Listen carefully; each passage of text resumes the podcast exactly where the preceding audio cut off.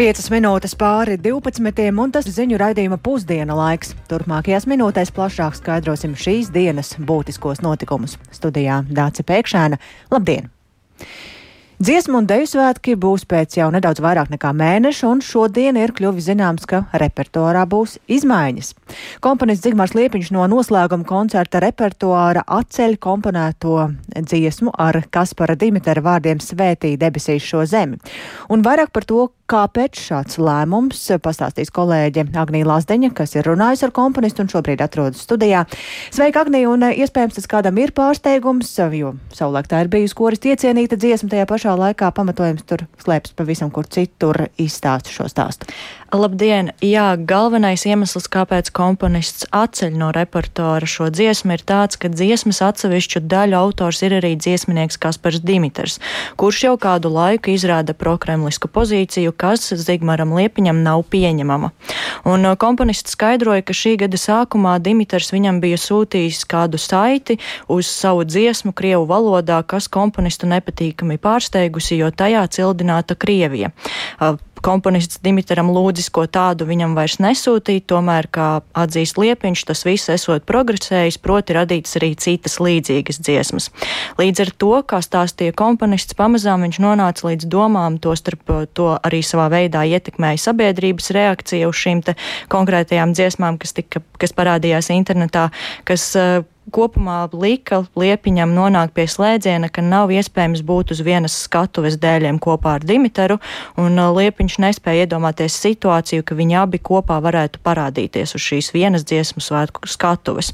Tāpat viņš nav arī pārliecināts, ka arī paši kori būtu gatavi dziedāt šo dziesmu. Tāpat Liepiņš atzina, ka ņemot vērā visu, ko Dimitrs ir uzrakstījis par Latviju un Latvijas tautu, viņš uh, nespēja iedomāties, kā abi kopā varētu dziedāt šos vārdus Dievs svētī Latviju. Latviju. Paklausīsimies, ko tad pats komponists saka. Un es saprotu, ka viņš ir nodevis Latviju. Viņš ir nodevis šo valsti, šīs valsts idejas. Viņš ir faktiski, es nezinu, vai viņš kādreiz ir bijis patriots. Bet šodienas izteiksmē, izlietojot vārdu Putins, es viņu varētu nosaukt, ka viņš ir putriots. Un es paskatījos YouTube, kāda viņam ir pēdējie teksti par latviešu valodu un vispārējās lietas, kas tur parādās. Nu, man jāsaka, tā, vai nu tas ir kaut kāds viņam zināms biznesa projekts, vai nu tā ir totāla kursa maiņa attiecībā pret savu valsti, ja, kas ir, nu, tas ir vienkārši nepieņemami. Zigmārs Liepiņš atzīst, ka ļoti nožēlo, ka viņam tāds solis ir jāspēr, un viņš nevar iedomāties, vai visas dziesmas svētku kustības laikā būtu kas tāds iepriekš darīts, proti, ka ir kāds cits komponists atteicies no savas dziesmas repertuārā, jo tas ir lielākais pagodinājums, kāds var komponistam būt, un šo soli viņš spēr ar ļoti lielu nožēlu. Tāpat viņš arī norādīja, ka ar Dimitru viņam nav kontakta, bet apzinās, ka pilnībā izslēgt šīs saistības nav iespējams. Es mēģināju sazināt sazināties arī ar šo otru dziesmas autoru, un tur, diemžēl, sanāca sazināties tikai ar viņas sievu, Līgu Dimiteri, un viņa teica, ka vīrs pats nesniegs komentāru, taču viņa ir šokā par šo paziņojumu un norāda, ka tas vien nozīmē to, ka pats Liepiņš negrib, ka Dievs svētī debesīs šo zemi. Un tāpat arī viņa izsakās par Dimitera rakstītajām dziesmām, ka viņas vīrs ir dzinieks, kas nevar nerakstīt to, kas viņam sāp, un, jo viņam ir vienkārši līdzjūtība pret tik vienu cilvēku. Bet uh, turpinot par to, kas notiks ar šo dziesmu, kura repertuārā izpaliek, tad uh, radošā komanda šobrīd strādā pie situācijas izvērtējuma, un uh, par tālāko darbību paklausīsimies, ko tad izsaka dziesmu un deju svētku tradīcijas saglabāšanas un attīstības nodaļas vadītāja Sarmīte Pāvulēna. Mākslinieckā komanda, kas ir noslēguma koncertam kopā augšu, ļoti respektē komponista Zigmāra Liepiņa izvēli. Un šobrīd tiek meklēta cita dziesma, ko dziedāt noslēguma koncertā, kas būtu koristiem labi pazīstama, dziedāta, kurai nebūtu jāpieliek ļoti daudz atkal darba, lai iemācītos, lai iestudētu. Pagaidām gan netiek atklāts, vai tā būs kāda cita Zigmara Liepiņa dziesma, vai arī pavisam, pavisam cita dziesma, bet, nu, gaidīsim un tad jau redzēsim, kas cits nonāks koncerta repertuārā. Nu, katrā ziņā par šo dziesmu jau pamatoti ilgāku laiku ir bijusi tāda viļņošanās koristu vidū. Ko saka paši koristi, jo man šķiet, vai šī nebija viena no tām dziesmām, ko paši koristi arī iebalsoja noslēguma koncertā? Jā, tā ir taisnība. Paši koristi šo dziesmu iebalsoja, bet jāatzīst, ka tas bija pirms Krievijas iebrukuma Ukrainā un arī pirms visiem notikumiem un visām darbībām, ko pats Dimitrs ir šobrīd veicis. Un pirms tam jau martā izvērtās plašas diskusijas par šo jautājumu, un jau tad cilvēki nevēlējās šo dziesmu vairs redzēt repertuārā, tostarp, tā teikt, izpildīta, ņemot vērā visas Dimitra radītās dziesmas, un, nu, diskusijas ir atgriežus, atgriezušās, taču tagad uzzinot, ka komponists šo dziesmu ir atcēlis, tad komponists šobrīd tiek slavēts par savu izvēli un cilvēki ir gandarīti. Tāpat ir arī cilvēki, kas norāda, ka viņi var aizstāvēt, piemēram, Čaikovski, bet viņi nevar aizstāvēt Dimitru. Bet plašāk par šo visu stāstīšu programmā pēcpusdienā. Paldies Agnijai Lazdiņai, tātad vairāk par eh, to pēcpusdienā un Tas bija stāstījums par to, kādēļ tad dziesmas svētkos neizskanēs dziesma Svētī debesīs šo zemi, un tas ir saistīts ar dziesmas vārdu autora pro-kremlisko pozīciju. Finanšu ministrija nav gatava virzīt sabiedrisko elektronisko plašsaziņas līdzekļu padomas darba grupā apspriesto piedāvājumu finansēt sabiedriskos medijus ar konkrētu procentu no iekšzemes koprodukta. Tā vietā ministrijas nodokļu revīzijas darba grupā varētu apspriest ieceri par sabiedrisko mediju nodokļu ieviešanu. Par Saimas cilvēktiesību un sabiedrisko lietu komisijā spriesto vairāk zina stāstīt kolēģis Jānis Kīncis, kurš šobrīd ir pievienojies man tiešādē. Sveiks, Jāni!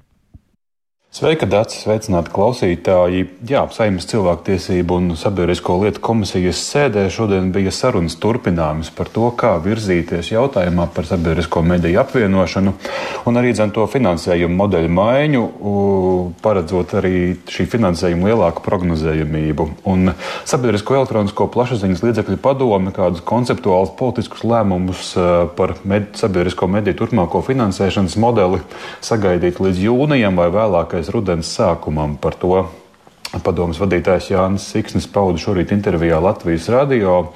Un darba grupās ir vērtēti četri scenāriji, kā uzlabot sabiedrisko mediju finansiālo situāciju, kas uh, tieši saistām arī ar sabiedrisko mediju iespējamo vai gaidāmo apvienošanu no 2025. gada. Un viena versija būtu noteikt finansējumu ar fiksētu valsts budžeta daļu kā procentus no budžeta izdevumiem Otra versija ar daļu no iedzīvotāja ienākuma nodokļa vai akcijas nodokļu ieņēmumiem, tā līdzīgi kā finansē valsts kultūra kapitāla fondu vai sabiedriskos medijus Lietuvā. Trešā versija - sabiedrisko mediju nodoklis vai abonentu maksa. Un ceturtā - konkrēts apjoms no iekšzemes koprodukta, kas katru gadu mainās atkarībā no valsts ekonomikas uh, attīstības. Un šo ceturto pieeju kā piemērotāko vērtē gan sabiedrisko plašsaziņas līdzekļu padome, gan abu sabiedrisko mediju vadība gan arī kultūras ministrija, kas atbildīga par mediju darbu. Un, padomas vērtējumā līdz 2028. gadam varētu nonākt līdz Eiropas valstīs vidējam finansējuma apjomam 0,16% no iekšzemes koprodukta. Šobrīd Latvijas sabiedriskie mediji finansēti apjomā 0,9%. Un tas būtiski, jo ļaut sabiedrisko mediju darbu plānot ilgākā termiņā, un tie nebūtu atkarīgi no valdības ikgadējiem lēmumiem. Turklāt tas būtu piesaistīts arī kopējai ekonomikas attīstībai. Tā šo ideju arī Tātad saimnes komisijas sēdē pamatoja Sepulpa padomus vadītājs Jānis Siksnis. Paklausīsimies. Finanšu ministrija uzskata, ka šobrīd ir prognozējams un stabils tas budžets. Tā tas ir, bet problēma ir, ka tas ir kroniski nepietiekams. Mums katru gadu ir jāprasa papildus nauda, pietiekami lielas summas, un arī par to neatkarību. Nu, šis ir nu, no ābeces, tātad sabiedrisko mediju pārvaldībā, ka veids, kā budžets faktiski tiek apjoms tiek noteikts, ka tas ir uh, neatkarīgs no ikgadējiem valdības lēmumiem. Un to arī Eiropas padomes rekomendācijas sabiedrisko mediju pārvaldībā, kas arī tiks iekļauts ziņojumā, ļoti skaidri pasaka. Un šobrīd tas tā nav.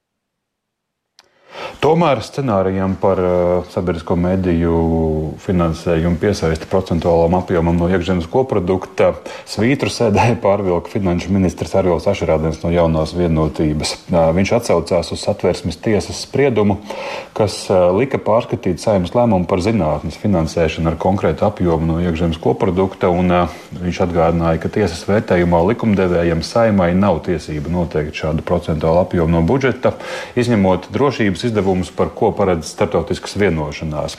Tāpēc viņš aicināja izbeigt šīs runas un paklausīsimies arī Ašarādēn teikto. Tas nav jēdzīgi, to es gribu pateikt. Šodien pasaule ir ļoti dinamiska un mainīga, un tomēr ir jāpierāda savas vajadzības. Un, attiecībā ar šo es gribu teikt, ka valstī ir neatkarīgās iestādes, satvērsmes tiesa, kurām mēs neesam noteikuši procentu, vai universitātes, kurām mēs neesam noteikuši procentu, vai, vai knāps, vai sāpes. Vai viens nav nācis teikt, ziniet, nosakiet procentu, un tad mēs dzīvosim tālāk. Mēs izējām no tām vajadzībām, kādas tekošajā mirklī ir, un no tām iespējām, kādas ir valsts rīcībā. Mēs maksimāli cenšamies apmierināt to visu. Un ko tad ministrs piedāvā, ņemot vērā šos savus argumentus un vienlaikus arī apzinoties problēmas ar sabiedrisko mediju finansēšanas eh, trūkumiem, nepietiekamību bieži vien? Ministrs izteicās, ka Finanšu ministrijas nodokļu revīzijas darba grupa varētu izvērtēt priekšlikumu par sabiedrisko mediju nodokļu vai abonentu maksas ieviešanu, kā tas ir arī vairākās valstīs. Šī darba grupa šobrīd strādā pie iespējamām izmaiņām citos nodokļos, ko valdība ir solījusi nesasteigt, bet plānot, teiksim, no nākamā un aiznākamā gada. Un šai darba grupai ar savu pienākumu būs jānāk klajā augusta beigās. Un tad iespējams, ka tās darba kārtība papildinās arī ar diskusijām par sabiedrisko mediju nodokļu ieviešanu. Dace. Paldies Jānim Kincim par šo skaidrojumu par sabiedrisko mediju finansēšanu. Bet kas īsti notiek Krievijas Belgorodas apgabalā, kas robežojas ar Ukrainu? Tur kopš vakardienas savas aktivitātes izvērsušas bruņotas grupas, kas sevi dēvē par Krievu brīvprātīgo korpusu. Un notikušais ir radījis daudz jautājumu, gan arī par to, kas ir Krievijas teritorijā iegājušie bruņotie grupējumi, arī par to, um, kāpēc Krievijas drošības spēki nespēja tos apturēt. Un man tāpēc šobrīd studijā pievienojas kolēģis Uldis Česberis, kurš mm, zina vairāk par to stāstīt, uh, par šiem notikumiem uz Ukrainas un Krievijas robežas. Sveiks, Uldi, un saki, kāda ir jaunākā informācija no šī apgabala? Jā, nu Belgorodas apgabalā gubernators Vjačeslavs Gladkovs šorīt paziņoja, ka drošības spēki turpina uh, vakar izsludināto pretterorismu operāciju un tā notiek Graivoronas rajonā, kur jā, vakar iegāja Ukrainas karaspēka sastāvā karojošā Krievijas eh, pilsoņu brīvprātīgā leģiona Krievijas brīvība un arī jau pieminētā Krievija, Krievu brīvprātīgā korpusa vienības, un viņi paziņoja, ka viņu mērķis ir izveidot tādu kā drošības zonu Ukrainas iedzīvotāju aizsardzībai, un paklausīsimies, ko tad sacīja Belgorodas apgabala gubernators. Продолжается зачистка территории Министерством обороны силовыми структūrами. Aizsardzības ministrija kopā ar spēka struktūrām turpina teritorijas attīrīšanu no ienaidniekiem, bet pagaidām es aicinu neatgriezties mājās Graivoronas rajona iedzīvotājus, kuri tās uz laiku ir pametuši. Ir informācija, ka tajās apdzīvotajās vietās, kur vakar iegāja ienaidnieki, ir ievainoti divi civiliedzīvotāji, bet pagaidām drošībnieki nav spējuši pie viņiem nokļūt. Tas ir mūsu uzdevums numurs viens. Ceru, ka mēs drīzumā spēsim viņus evakuēt un nogādāt mediķu rīcību rīcībā. Nav ziņu par bojā gājušajiem civiliedzīvotāju vidū. Погибших среди мирного населения на сегодняшний день нет. Jā, un Glatkovs arī sacīja, ka šonakt virs Belgorodas apgabalā ir notriekti vairāki bezpilota lidaparāti, un iepriekš parādījās informācija, ka apgabala administratīvajā centrā Belgorodā ar bezpilota lidaparātu ir sarīkots uzbrukums vietējai federālās drošības, die, federālā drošības dienesta ēkai.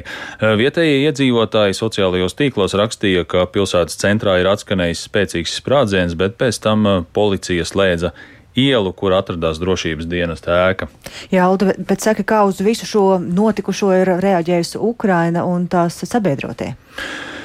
Jā, Ukrainas aizsardzības ministra vietniece Hanna Maļara šorīt eh, intervijā televīzijā notikumus Belgorodas apgabalā nosauca par Krievijas iekšējo krīzi, kas eh, pašreizējā situācijā esot bijusi arī paredzama, un viņa piebilda, ka operā, militārās operācijas Krievijas teritorijā tur piedalās apzinīgi Krievijas patrioti, kuri vēloties mainīt politisko režīmu valstī. Nu, viņi arī mm, nekādi nesasaistīja te, šīs te grupas ar Ukrainu, un arī iepriekš Ukrainas amatpersonas nav nedz apstiprinājušas, nedz noliegušas, ka viņiem ir kāda, ka Ukrainai būtu kāda saistība ar notiekošo Belgorodas apgabalā. Bet ASV valsts departamenta runas vīrs Metju Millers, komentējot notikumus Belgorodas apgabalā, sacīja, ka Ukrainas pašas ziņā ir izlemt vai īstenot militārās operācijas agresoru valsts Krievijas teritorijā, un paklausīsimies Millera teikto.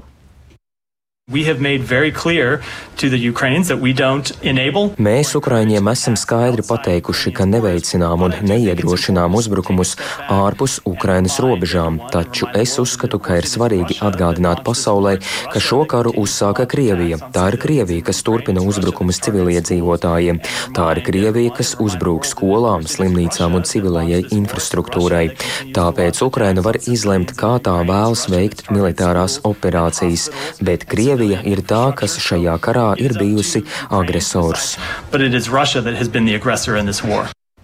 Jā, un savukārt Lielbritānijas aizsardzības ministrijas šorīt publicētajā analīzē ir norādīts, ka Krievijas pierobežas apgabalos pēdējā laikā ir ievērojami palielinājušies eh, drošības draudi, jo ir notriekti vairāki militārie lidaparāti un ir notikušas eh, sabotāžas uz dzelzceļa, bet tagad notiek sadursmes arī ar partizānu grupām, kas ir spējušas iekļūt eh, Krievijas teritorijā. Un Briti ir pārliecināti, ka Krievija notikumus Belgorodas apgabalā izmantos, lai sevi pasniegtu kā kara upuri.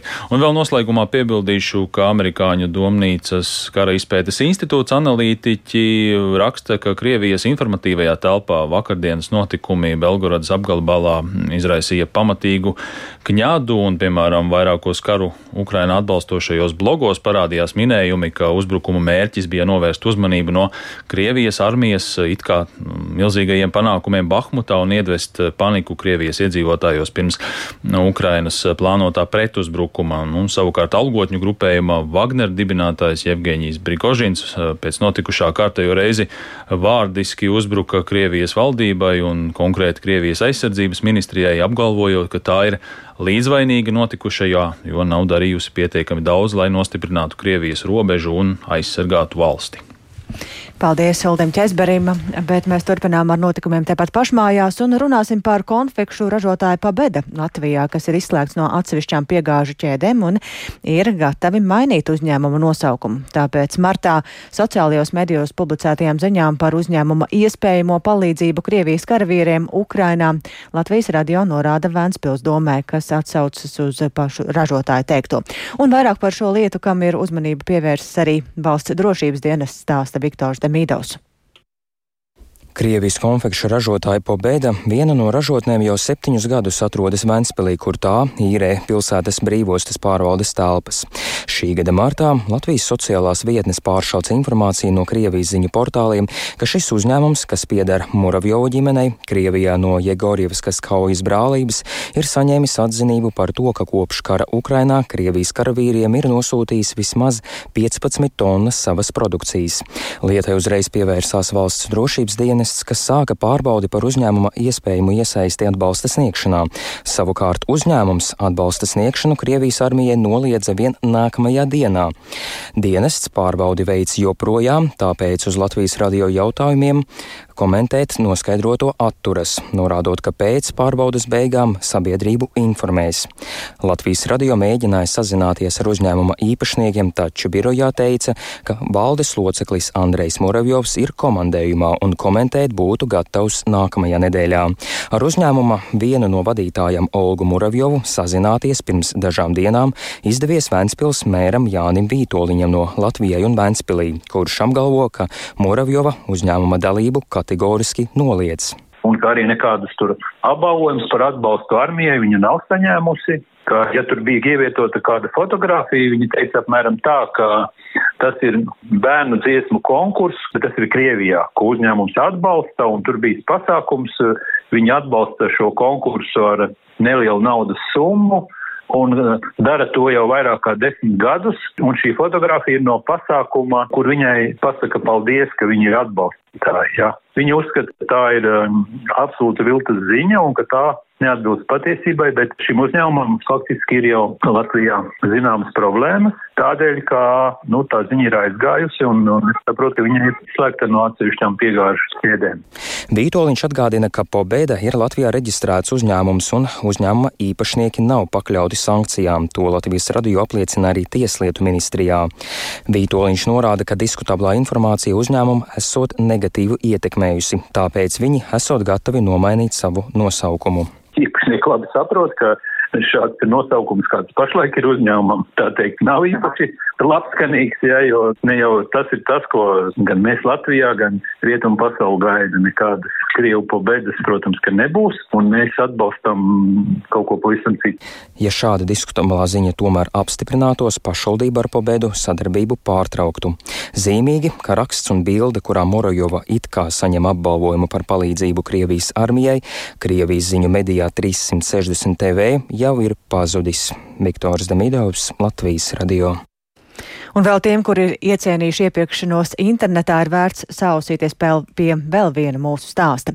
Brisele rosina vērienīgu muitas sistēmas reformu. Eiropas komisija to sauc par vērienīgāko kopš 68. gada. Izmaiņas ir vajadzīgas, jo uz muitas darbiniekiem gul, gulstas ar vien lielāku atbildību, pārbaudot preču izcelsmu un to atbilstību dažādām prasībām, kas ir ietvērtas aptuveni 350 likumos. Un Kā gaidāmās pārmaiņas izjutīsim mēs, iepērkoties internetā, no Briseles stāsta mūsu korespondents Arčams Konohovs. Iepirkšanās internetā daudziem ir kļuvusi par ikdienu. Bieži vien sūtījumi nāk no valstīm, kas atrodas ārpus Eiropas Savienības. To apliecina arī statistika. Tā rāda, ka bloka teritorijā katru gadu ienāk aptuveni 1 miljards mazo interneta pirkumu. Divas trešdaļas no šiem sūtījumiem nāk no Ķīnas. Ir paredzams, ka šīs apjoms turpinās strauji palielināties, kā tas jau ir noticis pēdējos pāris gados. Jau tagad interneta pirkumi veido vairāk nekā 73% no visām muitas deklarācijām. Tad ir Eiropas Savienības ekonomikas komisārs Paolo Gentiloni piedāvā vienkāršot un modernizēt pašreizējo sistēmu. Today's reform will make online platform Alibaba, Amazon, Šī reforma padarīs tādas internetu platformas kā Alibaba, Amazon un Zalando un citas par atslēgas spēlētājiem, kas nodrošinās, ka preces, kas tiek pārdotas klientiem Eiropas Savienībā, atbilst visām muitas prasībām. Šobrīd šī nasta gulstas uz gala patērētājiem. Platformām būs jāievada informācija jau minētajā muitas datu centrā. Piedāvātā reforma paredz, ka visas muitas nodevas un nodokļus pircēji maksās iegādājoties preces interneta veikalā, nevis kā tagad saņemot sūtījumu pastā. Tas ļaus izvairīties no slēptām izmaksām un nepatīkamiem pārsteigumiem, kā arī mazinās krāpšanās risku. Komisārs Gentiloni saka, ka pašlaik daudzi sūtījumi tiek novērtēti par zemu, lai nebūtu jāmaksā nodevas. Noteikumu maiņa paredz atcelt minimālo sūtījumu vērtības slieksni. Tas nozīmē, ka nodevas būs jāmaksā arī par vismazākajiem pirkumiem. Tas kopumā ienesīšot aptuveni 1 miljārdu eiro. Šī iestāde nepārtraukti analizēs datus un ieteiks to, kādas preces rada risku un līdz ar to būtu jāaptur uz robežas. Tas izveidos patiesi vienotu ārējo robežu precēm. Muitas dienests analizēs riskus un ieteiks prioritāros virzienus. Pašlaik Eiropas Savienības dalību valstis izmanto 111 dažādas datorsistēmas, lai kontrolētu preču plūsmu pāri robežai. Eiropas komisija piedāvā tās pakāpeniski aizstāt ar vienoto muitas datu centru.